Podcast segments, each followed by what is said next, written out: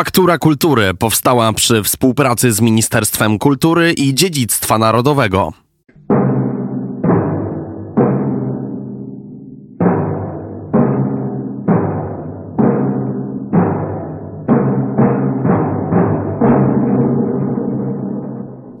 Wielki mistrz Ulryk von Jungingen wzywa twój majestat, panie, i księcia Witolda na bitwę śmiertelną. Jaby męstwo wasze, którego wam widać brakuje, podnieść, ślę wam te dwa nagie miecze. Znajdujemy się, jak pan dyrektor powiedział, w miejscu, gdzie będzie słychać pogłos, bo siedzimy teraz w gabinecie u pana dyrektora, zgadza się? Na zamku w Malborku. Tak, to jest pomieszczenie użytkowane przeze mnie na, do, do, do codziennej pracy, a historycznie jest to wielka komturia na zamku w Malborku. I ile tutaj ten sufit ma wysokości? To jest 5 metrów wysokości. No, pogłos być musi, bo przestrzenie są na zamku ogromne, no, a posadzki e, ceramiczne, więc e, to sprzyja rozchodzeniu się głosu. Zanim tak do współczesności i tego, co się teraz dzieje w muzeum przejdziemy, to jakby pan dyrektor mógł w skrócie w ogóle historię powstania muzeum tutaj na zamku w Malborku nam przybliżyć. Hmm, to znaczy mamy cały dzień do, do dyspozycji. To jest e, historia s- trudna i skomplikowana, dlatego że oprócz e, pasjonującej historii tego miejsca w grę wchodzą różne inne czynniki, e, które na tą historię się nakładają. Chcę powiedzieć, że Zamek Malborku jest obiektem e, wzbudzającym bardzo duże emocje. Nie jest obiektem takim neutralnym emocjonalnie, wręcz przeciwnie. A głównie przez to, że jest to zamek zbudowany przez Krzyżaków, a więc zakon rycerski, który zapisał się bardzo mocno w naszej narodowej historii, polskiej historii, no ale także w historii e, niemieckiej. I już samo to definiuje go w, w, narracjach, narodowych narracjach obydwu tych narodów, a do tego dochodzi jeszcze okres pruski, czyli czas po pierwszym rozbiorze Polski, kiedy Malbork trafia w ręce pruskie i mm, no, jest tutaj e, zamek nie tylko odbudowywany, ale także buduje się tutaj takie centrum ducha niemieckiego na wschodzie, centrum, które ma budować tożsamość e, tworzonego państwa niemieckiego pod egidą pruską. To miał być pierwotnie pruski Westminster. Mm, No i ta, ta narracja tak naprawdę najpierw pruska, potem niemiecka jest budowana do 1942 roku, a rok 45 przynosi diametralną zmianę sytuacji. Zamek trafia w ręce polskie znowu w zupełnie innych warunkach. No i zaczynają być pytania, czy tak e, duży, tak mocny symbol e, niemieckości, czy symbol, który jest tak bardzo nacechowany antypolską ideologią, czy w warunkach zniszczonego kraju tuż po wojnie, e, czy, czy w ogóle jest sens go odbudowywać i właściwie po co miał być odbudowany, skoro większość, większość czasu był był tak e, negatywnym dla Polaków e, symbolem. No i te dyskusje trwały aż do 59 roku tak naprawdę, kiedy podjęto decyzję o, o jednak powołaniu tej instytucji, która zajmie się odbudową zamku i która zajmie się przygotowaniem go do zwiedzania, bo już wtedy rozstrzygnięto, że zamek średni, wysoki to będzie muzeum, no a cała reszta miała służyć turystyce. No ale zanim do tego doszło, to, to ten proces dyskusji no, był bardzo długi, skomplikowany, e, a jednocześnie bardzo ciekawy. No i jak ta historia się dalej potoczyła? Dyskusje przebiegały, została podjęta decyzja o, o odbudowie zamku, zgadza się? Tak, ale zanim do tego doszło, to w 1945 roku zainstalowało się w Malborku Muzeum Wojska Polskiego, które otworzyło tutaj swój oddział i właściwie przez 5 lat administrowało tym obiektem, a głównie wywoziło stąd e, ruchomalia, zabytki, które tutaj znajdowały się w liczbie kilkudziesięciu tysięcy. bo sama wojna nie spowodowała jakichś takich drastycznych zniszczeń. Armia Czerwona też długo tutaj nie zabawiła, więc rabunku nie było. To, była, tak, to był taki otwarty, otwarta skrzynia, otwarty skarbiec, gdzie można było czerpać różne rzeczy. Korzystali z tego okoliczni mieszkańcy, korzystali przestępcy, którzy tutaj e, rabowali, szabrowali, co się tylko dało. No, Muzeum Wojska Polskiego jakby to wszystko zabezpieczyło e, czy starało się zabezpieczyć, no i e, te najcenniejsze zabytki zostały z Malborka wywiezione. Jednocześnie trwała akcja zabezpieczania ruin prowadzona przez miejscowe władze, starostwo powiatowe, jak i samo muzeum, ale w stopniu dość niewielkim, dlatego że nie było ciągle decyzji władz centralnych o tym, co tutaj się znajdzie. W momencie, kiedy zakończono już wywózkę najcenniejszych eksponatów, księgozbiorów, które tutaj też się na zamku znajdowały w czasie wojny, no to Muzeum Wojska, Wojska Polskiego zlikwidowało swój oddział. E, no i oddało zamek w ręce Polskiego Towarzystwa Turystyczno-Krajoznawczego z oddziałem w Gdańsku, żeby no, ten obiekt był udostępniany wszystkim chętnym tak, tu, turystom zwiedzającym. Dlatego, że zauważono, iż mimo tego, że to był taki bardzo antypolski symbol, no to on był Polakom znany i budził ciekawość i różne emocje. I z roku na rok coraz więcej osób przyjeżdżało tutaj i chciało obiekt zwiedzać, co nie było w dużej części zamku możliwe ze względu na zniszczenia, co też nie było bezpieczne. Więc e, to towarzystwo miało zająć się tak naprawdę przygotowaniem obiektu do zwiedzania no i zrzucono na, na tych społeczników przecież, bo to, to stowarzyszenie grupujące społeczników, zrzucono też ciężar zabezpieczenia, dalszego zabezpieczenia ruin, w czym jeszcze partycypowały lokalne władze.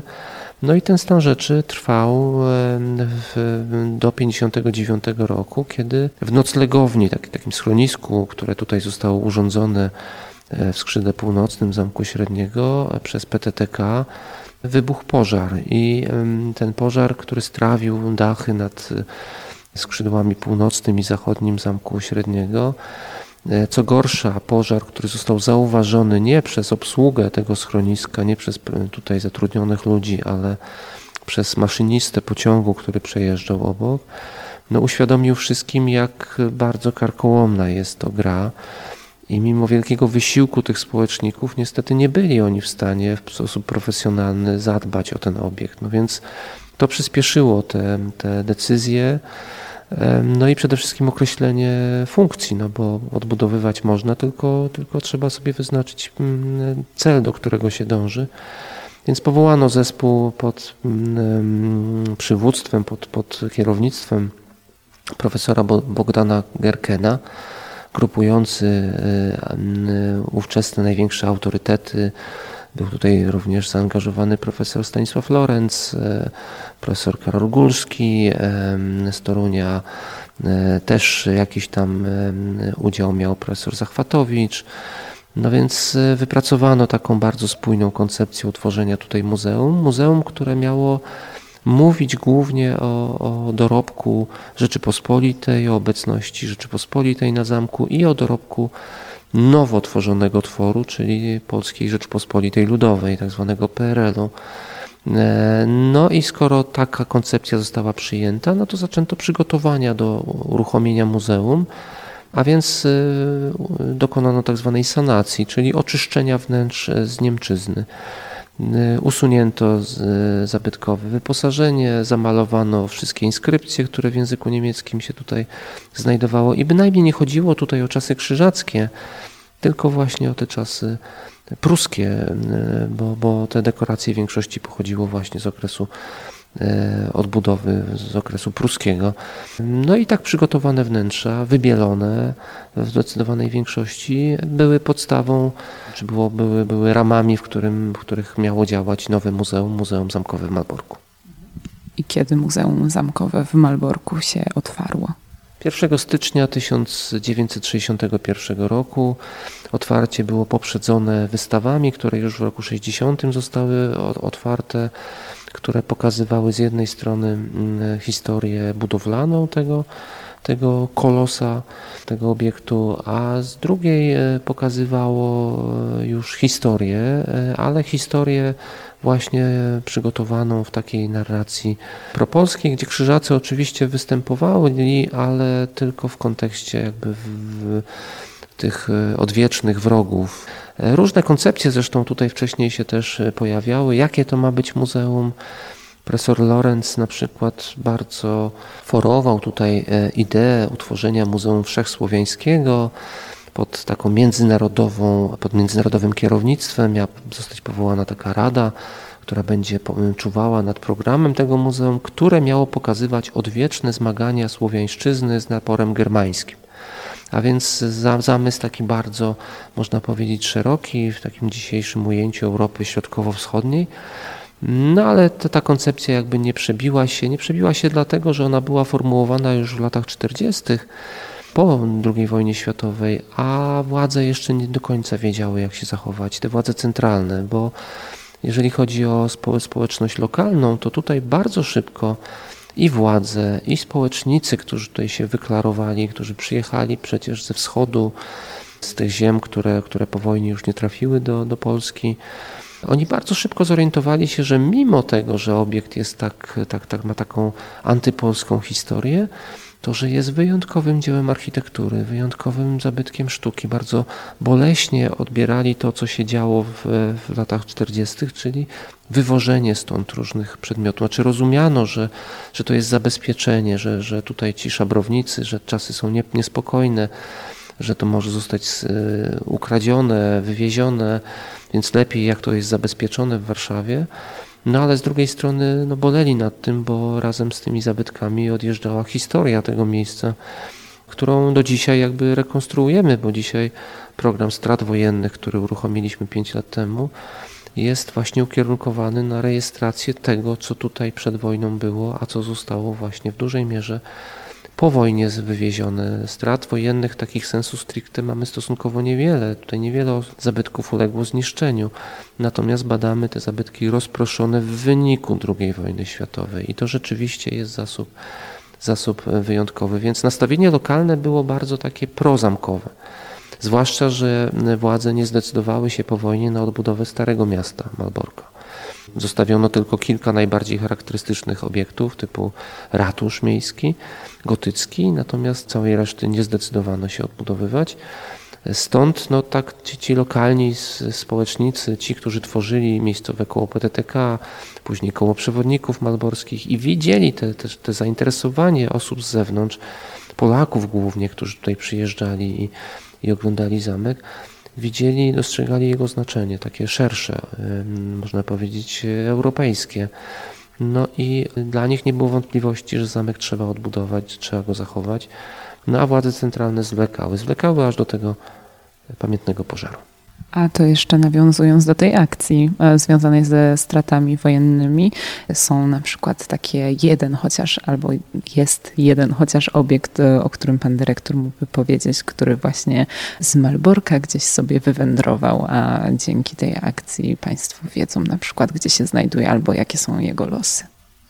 Odkrywamy bardzo wiele różnych e, miejsc. No, taką kopalnią dla nas to są inwentarze Muzeum Wojska Polskiego, bo w zdecydowanej większości te obiekty wywiezione z Malborka nie trafiły na ekspozycję, są w magazynach i trudno było je dostrzec. Są obiekty sztandarowe, które, które na ekspozycji od razu się znalazły. W Muzeum Wojska Polskiego jest to dyptyk komtura elbląskiego Tilo von Loricha, to jest e, obiekt wyjątkowy, jedyny e, taki zachowany, relikwiarz wykonany ze srebra, e, złocony, który jest trofeum grunwaldzkim, a więc został pozyskany przez, przez Władysława Jagiełłę w wyniku zwycięstwa pod Grunwaldem. Długi czas był uważany za, za taki prywatny pektorał wielkiego mistrza von Jungingena, że ten wielki mistrz miał go na szyi zawieszony i z tym, z tym relikwiarzem zginął, no to, to, się, to, to jest nieprawdopodobne, ale na pewno to, to jest łup grunwaldzki, który był eksponowany na zamku w Malborku i który został wywieziony i jest eksponowany, czy był do momentu zamknięcia Muzeum Wojska Polskiego teraz w, w ramach prze, przenosin na nowe miejsce był eksponowany, myśmy go znali z, z tamtej ekspozycji. To jest na przykład y, ołtarz grudziącki, sztandarowe dzieło Galerii Sztuki Średniowiecznej Muzeum Narodowego w Warszawie, który został przekazany przez, przez Muzeum Wojska Polskiego do Muzeum Narodowego. No i jest w ekspozycji od zawsze. On pochodzi z kaplicy zamkowej w, w Grudziądzu, która to została rozebrana i ten ołtarz został ofiarowany tutaj do, do zamku i był eksponowany w mm, kaplicy świętego Wawrzyńca na Przedzamczu, więc y, no, tych, tych y, zabytków i sztandarowych, takich znakomitych, jak i tych mniej znanych jest bardzo wiele. Rozeszła się po Polsce, można powiedzieć, nasza kolekcja militariów. E, nasza, mówię, malborska kolekcja militariów.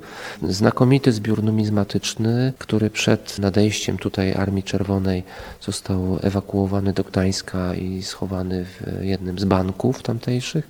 Został zrabowany przez, przez Rosjan i znajduje się dzisiaj w Muzeum Puszkina. E, to też wiemy ale oczywiście o jakiejkolwiek, jakimkolwiek odzyskaniu nie ma tutaj e, mowy.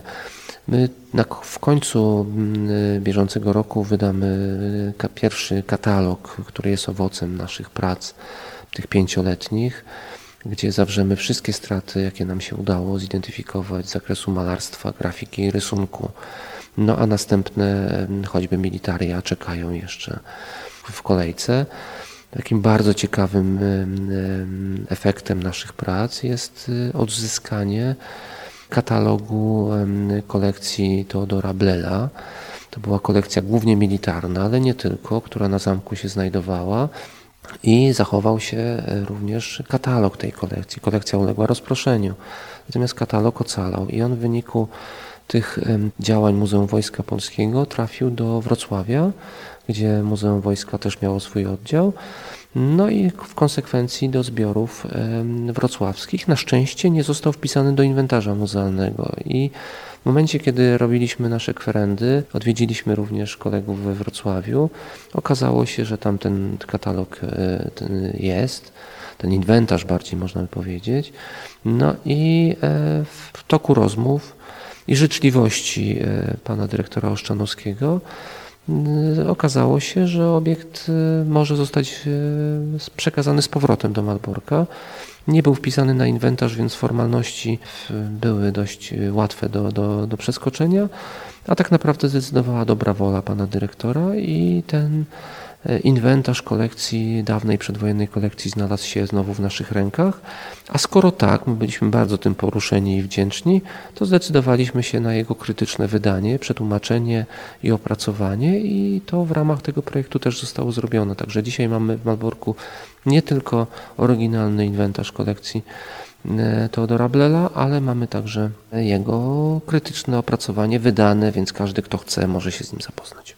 Czyli rozumiem, że celem tej akcji jest y, po pierwsze zbadanie losów tych obiektów, a po drugie, jeśli jest taka możliwość, ich powrót tutaj, odzyskanie ich, czy niekoniecznie. E, to jest oczywiście bardzo trudna sprawa. Znaczy, na pewno chcemy, chcemy mieć pełną wiedzę, co w zamku przed wojną się znajdowało. Muzeum Zamkowe nie jest prawnym spadkobiercą Muzeum Państwowego Niemieckiego, które się tutaj znalazło. Natomiast większość z tych rzeczy przetrwała e, wojnę e, i weszła w taki zbiór tak zwanego mienia poniemieckiego, więc, e, a, a że Muzeum Zamkowe w Malborku jest muzeum państwowym, no więc jakieś tam prawa do tych eksponatów mamy, ale nie jest to naszym głównym celem. Na razie chcemy pozyskać wiedzę, dlatego że znajdowało się tutaj, jak szacujemy, kilkadziesiąt tysięcy artefaktów, z których nie wszystkie były ujęte w spisach, inwentarzach, katalogach, no bo były wykonywane e, tak w sposób taki, można powiedzieć, użytkowy na na rzecz zaaranżowania, wyposażenia kolejno odbudowywanych wnętrz zamkowych, więc są to często kopie mebli, mebli średniowiecznych, które wówczas nie były uważane za coś cennego, więc nie rejestrowano ich nigdzie. Natomiast dzisiaj one są znakomitymi zabytkami e, sztuki stolarskiej, snycerskiej z XIX i początków XX wieku, a często te kopie zachowane u nas są już tylko w jedynym śladem oryginału, który gdzieś tam przestał istnieć e, i zaginął, czy został zniszczony, więc nabrały one takiej swojej wartości. My rozmowy o odbudowie prowadzimy w gronie, w gronie dyrektorów, e, przynajmniej tych państwowych instytucji kultury i wymieniamy się nawet tymi informacjami, e, dokumentujemy to, to wszystko. Proweniencja naszych eksponatów jest bardzo ważna, ale jeszcze konkretnych rozmów o, o restytucji, o odzyskaniu nie ma.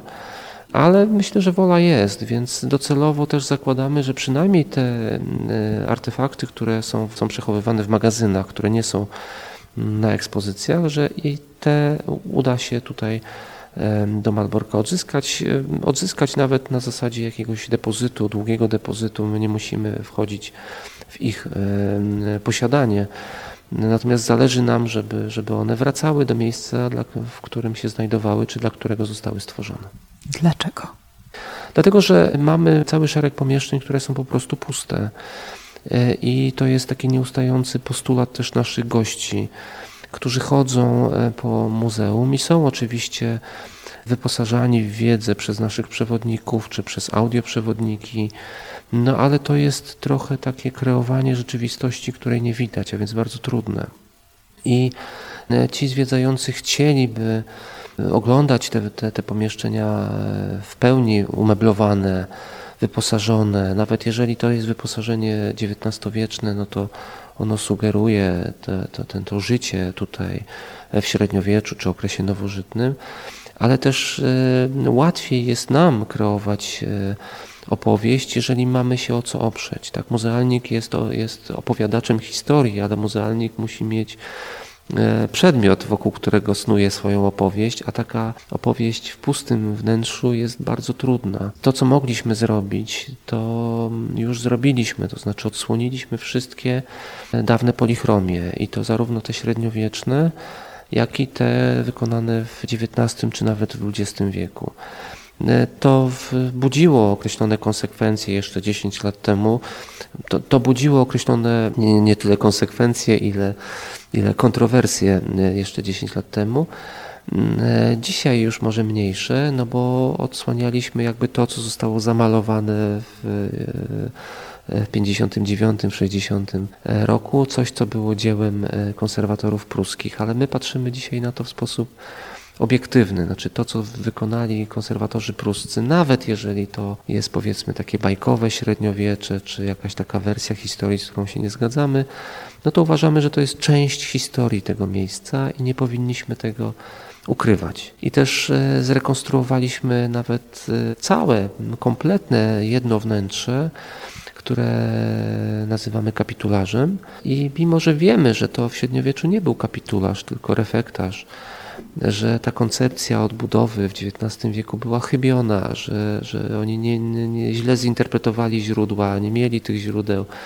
E, więc odtworzyli kapitularz, który nie istniał, no to żeby pokazać tą, tą, tą drogę dochodzenia do prawdy, pokazać ten ich wysiłek, zdecydowaliśmy się na, na odsłonięcie polichromii, przywrócenie wyposażenia. Tam są te słynne malborskie stalle, w których turyści bardzo chętnie osiadają i robią sobie zdjęcia. Po prostu kwestią jest tylko wytłumaczenie, dlaczego to, to robimy i wytłumaczenie turystom, no, że jest to wnętrze wykreowane, a więc element tego wszystkiego, co tutaj działo się w XIX i w pierwszej połowie XX wieku, czyli element odbudowy zamku ze zniszczeń e, dokonanych e, tuż po pierwszym rozbiorze Polski.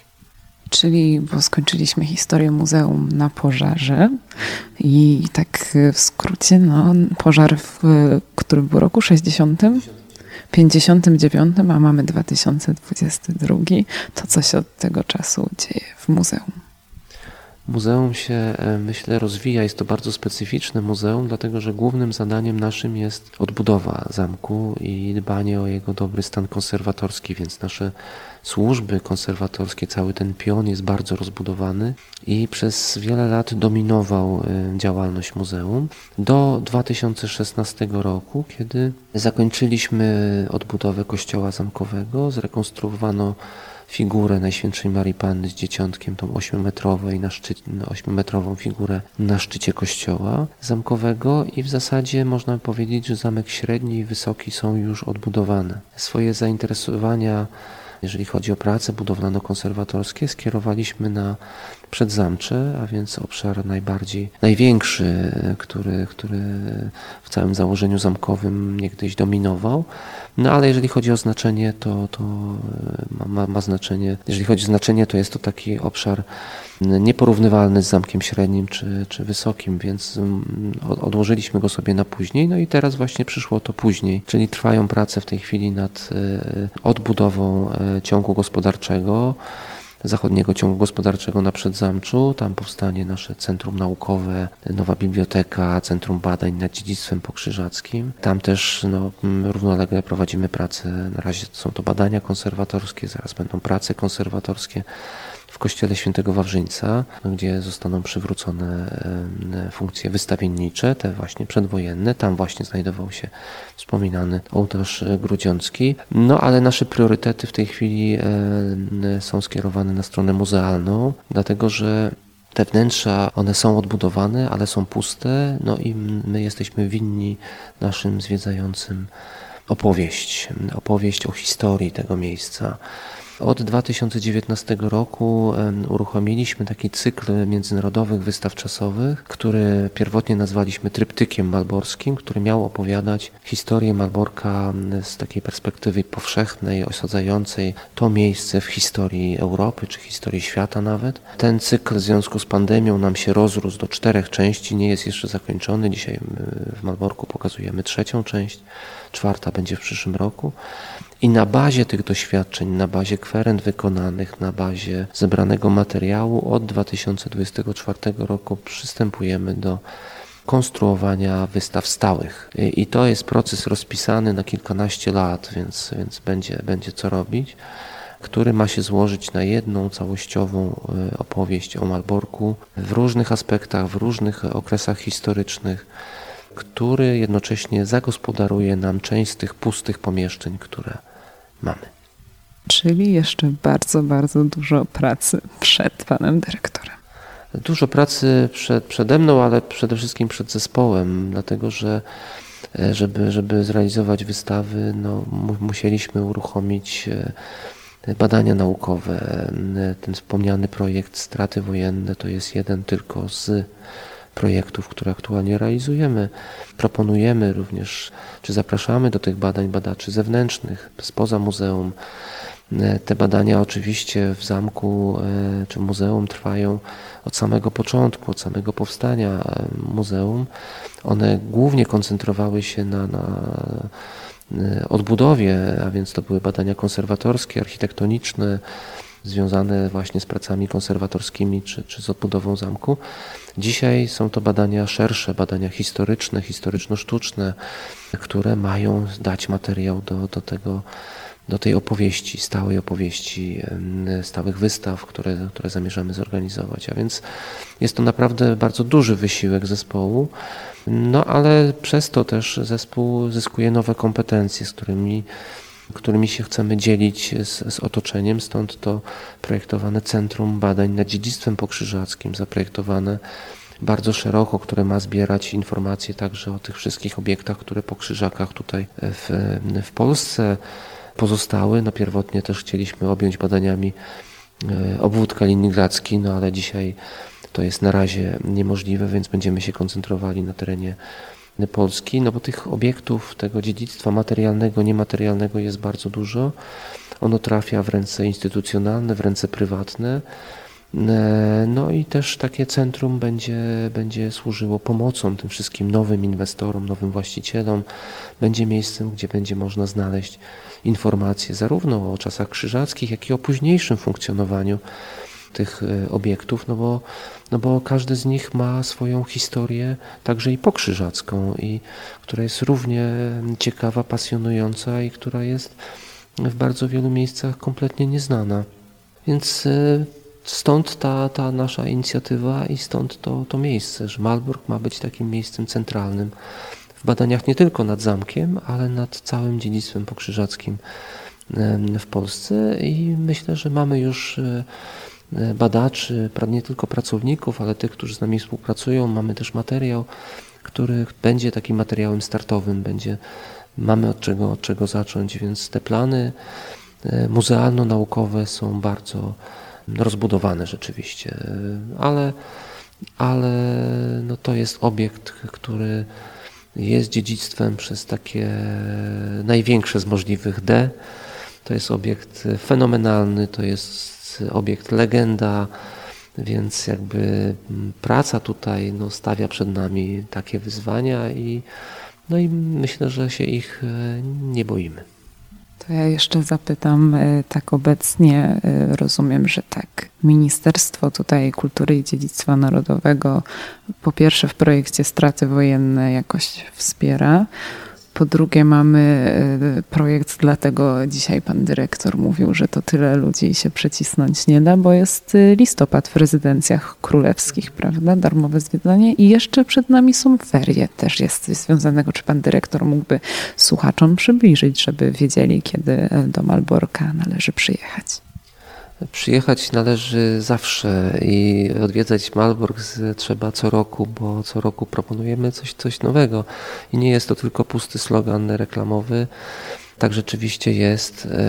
Tak, oczywiście Ministerstwo Kultury i Dziedzictwa Narodowego zapewnia nam stabilne funkcjonowanie i w przypadku projektu straty te środki z programu ministra zapewniają nam komfort systematycznej pracy, bo to są badania bardzo trudne, żmudne, które nie zawsze przynoszą efekt. No, sam fakt, że pierwszy katalog publikujemy dopiero po pięciu latach, pokazuje, jak, jak niewdzięczne i trudne są to, są to badania. Wszyscy, którzy dostaną do ręki, wezmą do ręki ten katalog, zrozumieją o czym mówię. To jest często analizowanie zdjęć, które były wykonywane w XIX wieku czy na początku XX zdjęć pomieszczeń, gdzie e, widzimy meble i widzimy na ścianach jakieś obrazy.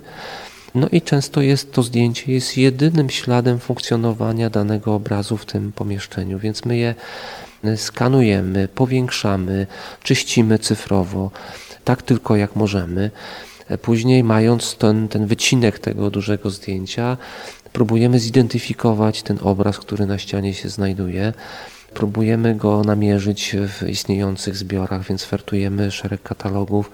No to wszystko trwa, opisujemy go, szukamy analogii, jednocześnie szukamy w źródłach, może gdzieś znalazła się jeszcze jakaś wzmianka, że on został kupiony, przekazany, czy, czy, czy jakoś tam trafił do, do zamku. No więc to, to, to nie jest projekt nastawiony na szybkie efekty i gdybyśmy mieli go finansować z jakichś e, krótkich e, grantów, czy, czy, czy, czy, czy z własnej nawet, e, z własnych środków, no to on nie mógł być tak efektywnie prowadzony. Te środki ministerialne dają, dały nam ten komfort, że, że możemy, mogliśmy i możemy te badania systematycznie prowadzić, no i tego są e, efekty. Darmowy listopad, e, e, o którym Pani wspomniała, to jest to jest znowu wielka przychylność i ministerstwa, i samego ministra kultury, którego na szczęście niedługo musiałem przekonywać, ale musiałem, żeby Malbork dołączył do akcji, która była prowadzona wcześniej i skupiała te główne rezydencje Polski, takie jak Wawel, Zamek Królewski, czy, czy Łazienki albo Wilanów. No ale tutaj miałem w ręku argumenty historyczne. Zamek był 315 lat w rękach polskich, był rezydencją królewską pełną gębą, mówiąc brzydko. 12 królów polskich tutaj się zatrzymywało, rezydowało, e, urzędowało. E, no i też taki argument, który zawsze, zawsze wyciągam w tego typu dyskusjach, że w rękach królów polskich zamek był dłużej niż w rękach wielkich mistrzów krzyżackich. No i myślę, że to przeważyło. No i w tym roku zbieramy jakby efekty tej decyzji. Pierwsze lata to były też lata pandemiczne, więc, więc to zainteresowało nie było znikome. Oferta nasza głównie wirtualna. No ale ten listopad przekroczył wszystko. E, frekwencja, która weekendowo sięga 10 tysięcy osób w Malborku, no to są, to, to są weekendy, których czas często nie przeżywamy nawet latem A jeżeli chodzi o, o listopad, no to tak, taki listopad nigdy w, w historii się nie wydarzył. E, my przy okazji tego darmowego listopada zaprosiliśmy także do zwiedzania, darmowego zwiedzania naszych oddziałów. Mamy jeszcze dwa zamki zamek w Sztumie i zamek w Kwidzynie. One nie były rezydencjami królewskimi, no ale w związku z tym, że muzeum przystąpiło do akcji, no to też zdecydowałem się na taki, taki krok i tam rekordy frekwencyjne bite są również, więc e, okazało się, że, że, że zaproszenie do rezydencji królewskich. Oczywiście niebagatelne znaczenie ma fakt, że można to uczynić za darmo. Mm, spowodowało gigantyczny efekt i za to też jesteśmy wdzięczni, no bo trzeba od razu powiedzieć, że, że te mm, poniesione przez nas, w cudzysłowie mówiąc, straty, nie sprzedajemy biletów, są refundowane przez ministerstwo w dużej części więc e, jakby no, jesteśmy tutaj finansowo bezpieczni, a te niewielkie, niewielka, niewielkie koszty, które ponosimy, jakby tracimy z, z, włas, z ewentualnych przychodów, wydaje mi się, są równoważone tym, tym zainteresowaniem. Nam bardzo zależy, żeby po pierwsze ta świadomość, że zamek był rezydencją królów polskich, stała się powszechną, bo ciągle nie jest a po drugie e, bardzo nam zależy, żeby publiczność przyjeżdżała do nas także jesienią, także wiosną, nie tylko latem. Latem nasza oferta od pięciu lat jest taka standardowa, turystyczna, natomiast to, co najciekawszego od strony muzealnej, organizujemy jesienią. Jesienią, kiedy też można zwiedzać w dużo większym komforcie, można rzeczywiście przekazywać naszym zwiedzającym treści, których latem się nie da po prostu, bo bo raz, że temperatura, dwa, że, że mnóstwo ludzi, taki letni, pozytywny bardzo, ale jednak zgiełk, więc takie bardziej ambitne wystawy będziemy organizowali jesienią, a to jest, trzeba tu też to powiedzieć, ważne dla samej kondycji obiektu, bo e, myśmy świadomie wprowadzili e, limity e, zwiedzania, określiliśmy liczbę osób, które mogą wejść do zamku w ciągu jednej godziny. I tych limitów się trzymamy. Te w okresie pandemii były one bardzo restrykcyjne, dzisiaj są troszkę, troszkę większe, natomiast jednak trzymamy się ich, ponieważ e, e, dbamy o komfort zwiedzania, ale także o kondycję naszego, naszego zamku, który przy bardzo masowym ruchu turystycznym skoncentrowanym w określonych tylko porach no, ponosił określone tego konsekwencje. E, trudno było zapanować też nad warunkami klimatycznymi na wystawach, więc, więc e, ku też e, zniecierpliwieniu i czasem irytacji naszych zwiedzających trzymamy się tych, tych limitów, które oznaczają na przykład, że jeżeli ktoś nie zarezerwuje sobie biletu na godzinę, nie wiem, 12 latem i przyjedzie na tą 12 i chce kupić bilet, no to, to tego biletu nie kupi natomiast y, może kupić sobie na godzinę 17 czy 18, y, no ale musi wtedy poczekać. No takie są, takie są konsekwencje. Ale dlatego, dlatego te tłumy, które mamy teraz y, jesienią, no są dla nas takim dobrym prognostykiem, że ta jesień też nam turystycznie tutaj ożyje. I jeszcze coś na ferie będzie się działo, zgadza się? Dokładnie, znaczy na ferie zawsze przygotowujemy odrębny program. W tym roku oprócz takich stałych naszych, naszych, naszej stałej naszej oferty edukacyjnej, ale mówiąc stałej, e, troszkę e, ją deprecjonuję, dlatego że to są Nasza edukacja to jest, to jest edukacja warsztatowa, więc każde zajęcia są inne, mimo że nawet one naz mogą nazywać się podobnie, ale to jest zawsze interakcja. Interakcja z naszymi edukatorami, którzy występują w strojach, historycznych, czy krzyżackich, czy strojach polskich, czy wcierają się w rolę tych konserwatorów, czy pruskich, czy polskich. To jest interakcja z przestrzenią. Staramy się, żeby, żeby jednak można było nie tylko zamek obejrzeć, ale go poczuć, poczuć zapach mokrego drewna, dotknąć cegły, dotknąć kamienia, dotknąć e, tej, tej, tej materialnej substancji zamkowej. To są e, zajęcia bardzo mocno ukierunkowane na interakcje uczestników, także między sobą, więc one przybierają często bardzo różne formy i są takim przeżyciem e, zamku. To, to jest dla nas bardzo ważne, że nie takie katowanie datami, faktami historycznymi, tylko przeżycie tego, tego zamku. I oprócz tej oferty, która w ferie jakby nabiera jeszcze dodatkowego, dodatkowego aspektu, bo, bo staramy się zaproponować coś innego niż, niż, niż na co dzień, to w, w tym roku będzie to, będzie to akcja towarzysząca wystawie, która jest owocem pleneru, pleneru,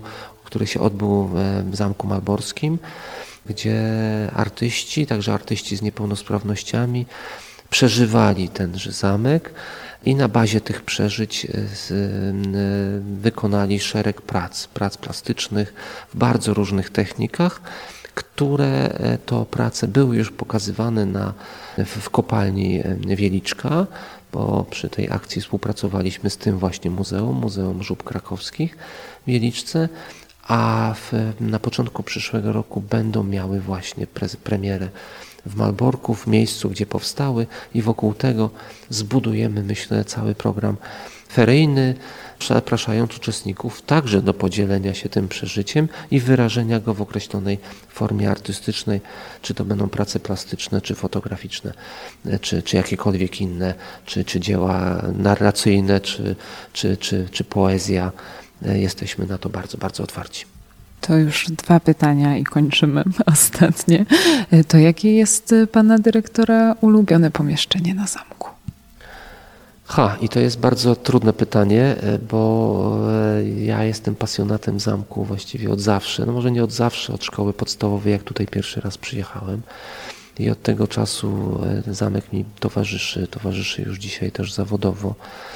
Ja świadomie, e, i to jest też wpływ zamku, poszedłem na historię, świadomie chciałem zajmować się zakonem krzyżackim. Świadomie później zacząłem zajmować się zamkami, zacząłem tutaj pracować. No więc e, ten zamek jakby konsumuje w całości, e, zarówno dzisiaj już w nie tylko średniowiecze, ale także te okresy późniejsze. Ale może po pomieszczenie to może zbyt szczegółowe pytanie, ale na pewno moim ulubionym obiektem jest Pałac Wielkich Mistrzów. To jest rezydencja najpierw wielkich mistrzów, potem, potem królów polskich, potem Wilhelm II, cesarz e, też tam uczynił sobie z pałacu taką, taką rezydencję, gdzie czasem pomieszkiwał. Obiekt, który jak w soczewce skupia nie tylko historię zamku, ale historię całej Europy, bo e, do Pałacu Wielkich Mistrzów i przylegającego do niego wielkiego refektarza zjeżdżał kwiat rycerstwa zachodnioeuropejskiego. Tam kumulował się ruch, który my nazywamy krucjatowym. Te krucjaty północne, które z Malborka poprzez Królewiec ruszały dalej na wschód do walki z, z Litwą, to, co się działo w stosunkach krzyżacko-polskich czy polsko-litewskich, cała dyplomacja zakonna, która angażowała e, możnych e, późno-średniowiecznej Europy, dwór wielkiego mistrza, który jest porównywalny z dworem burgundzkim opisanym w jesieni średniowiecza, więc to były dwa takie ogniska kultury rycerskiej w późnym średniowieczu. Papiestwo, cesarstwo, które, które było zaangażowane w funkcjonowanie zakonu krzyżackiego, te wszystkie, te wszystkie elementy e, zarówno w średniowieczu, w okresie nowożytnym, jak i w okresie w okresie pruskim, a i przecież w czasie II wojny światowej naziści, którzy wykorzystywali wielki refektarz też do różnych manifestacji, tam przecież wróciły symbolicznie chorągwie grunwaldzkie z Wawelu. W 1940 roku nastąpiła taka akcja, która miała wyrównać krzywdy poniesione przez Niemców w czasie mm, średniowiecza, być takim, tak, takim odegraniem się trochę na Polsce, przywróceniem sprawiedliwości dziejowej. No, no to, to był taki nazistowski, można powiedzieć, cyrk. No, ale to się dokonało właśnie tutaj, w Wielkim Refektarzu. Więc ta, ten Pałac Wielkich Mistrzów i Wielki Refektarz to jest taka soczewka historii Europy od średniowiecza po czasy współczesne i obiekt, który mnie fascynuje architektonicznie, historycznie. Obiekt, którym się bardzo dobrze czuję. Także to myślę, jeżeli mam, miałbym wskazywać, to to jest właśnie to miejsce. Dobrze, to już na koniec, jak pan dyrektor powiedział, że często nie wiemy, że tutaj dłużej rezydowali królowie polscy niż mistrzowie zakonu krzyżackiego, to o ile to było dłużej? Już liczymy. 1309 rok, e, kiedy wielcy mistrzowie tutaj się przenoszą z Wenecji, kończą urzędowanie 1457 a więc jest to, no, nie będę teraz e, liczył w pamięci, ale le, lekko ponad 100 lat.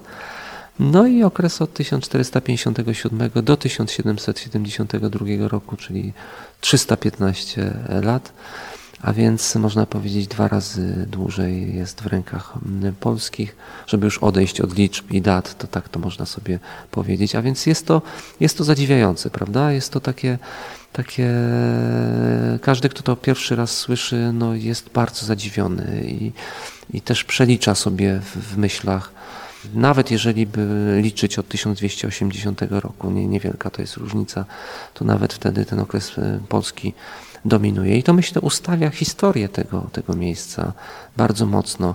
A ja też często podkreślam to, co się stało po 1945 roku, co często lekceważymy bo no, odbudowaliśmy ten, ten, ten zamek, e, zostało stworzone muzeum, no, to muzeum funkcjonuje, no ale pasjonuje nas średniowiecze, pasjonuje nas okres nowożytny, rycerze, prawda, królowie, polscy wielcy mistrzowie. Ja myślę sobie tak, że my się powinniśmy tym okresem bardzo chwalić, tym po 1945 roku, dlatego że odbudowa tego, tego miejsca nie była taka oczywista, że goście z zagranicy, zagranicy, Niemcy, którzy tutaj przyjeżdżają, powtarzają bardzo często, że nie są pewni wcale, czy w ich warunkach, czy w ich krajach taka decyzja by została podjęta. Polska zrujnowana, skrzywdzona bardzo przez Niemców, przecież miliony ofiar, kraj, kraj bardzo zniszczony który decyduje się na odbudowę tak antypolsko nacechowanego obiektu. To jest rzecz, którą powinniśmy podkreślać. To jest świadectwo naszej wielkości, dojrzałości jako, jako narodu. No i ta odbudowa przecież jest cały czas kontynuowana i ten kwitnący, myślę, zamek, bo tutaj ta, ta, takie wpisy mamy, mamy w, w naszej, naszych księgach gości. Tak ludzie zostawiają takie właśnie opinie, no jest e, świadectwem chwały nie dla mnie, e, może pośrednio, nie dla naszego zespołu, to w, dużej, w dużo większym stopniu, ale w ogóle dla, dla państwa polskiego, bo przecież e, ta odbudowa jest finansowana od samego początku z polskiego budżetu, z budżetu polskiego rządu, na które składają się nasze podatki, ale też w bardzo dużej części, to jest dzisiaj dwie trzecie, naszego budżetu z biletów, które, które sprzedajemy i za które płacą w dużej części Polacy. Więc y, wydaje mi się, że, że ten okres y, musimy doceniać i ten okres na pewno znajdzie się w tej naszej opowieści, którą będziemy w najbliższych latach budować. Bardzo panu dziękuję. Dziękuję bardzo.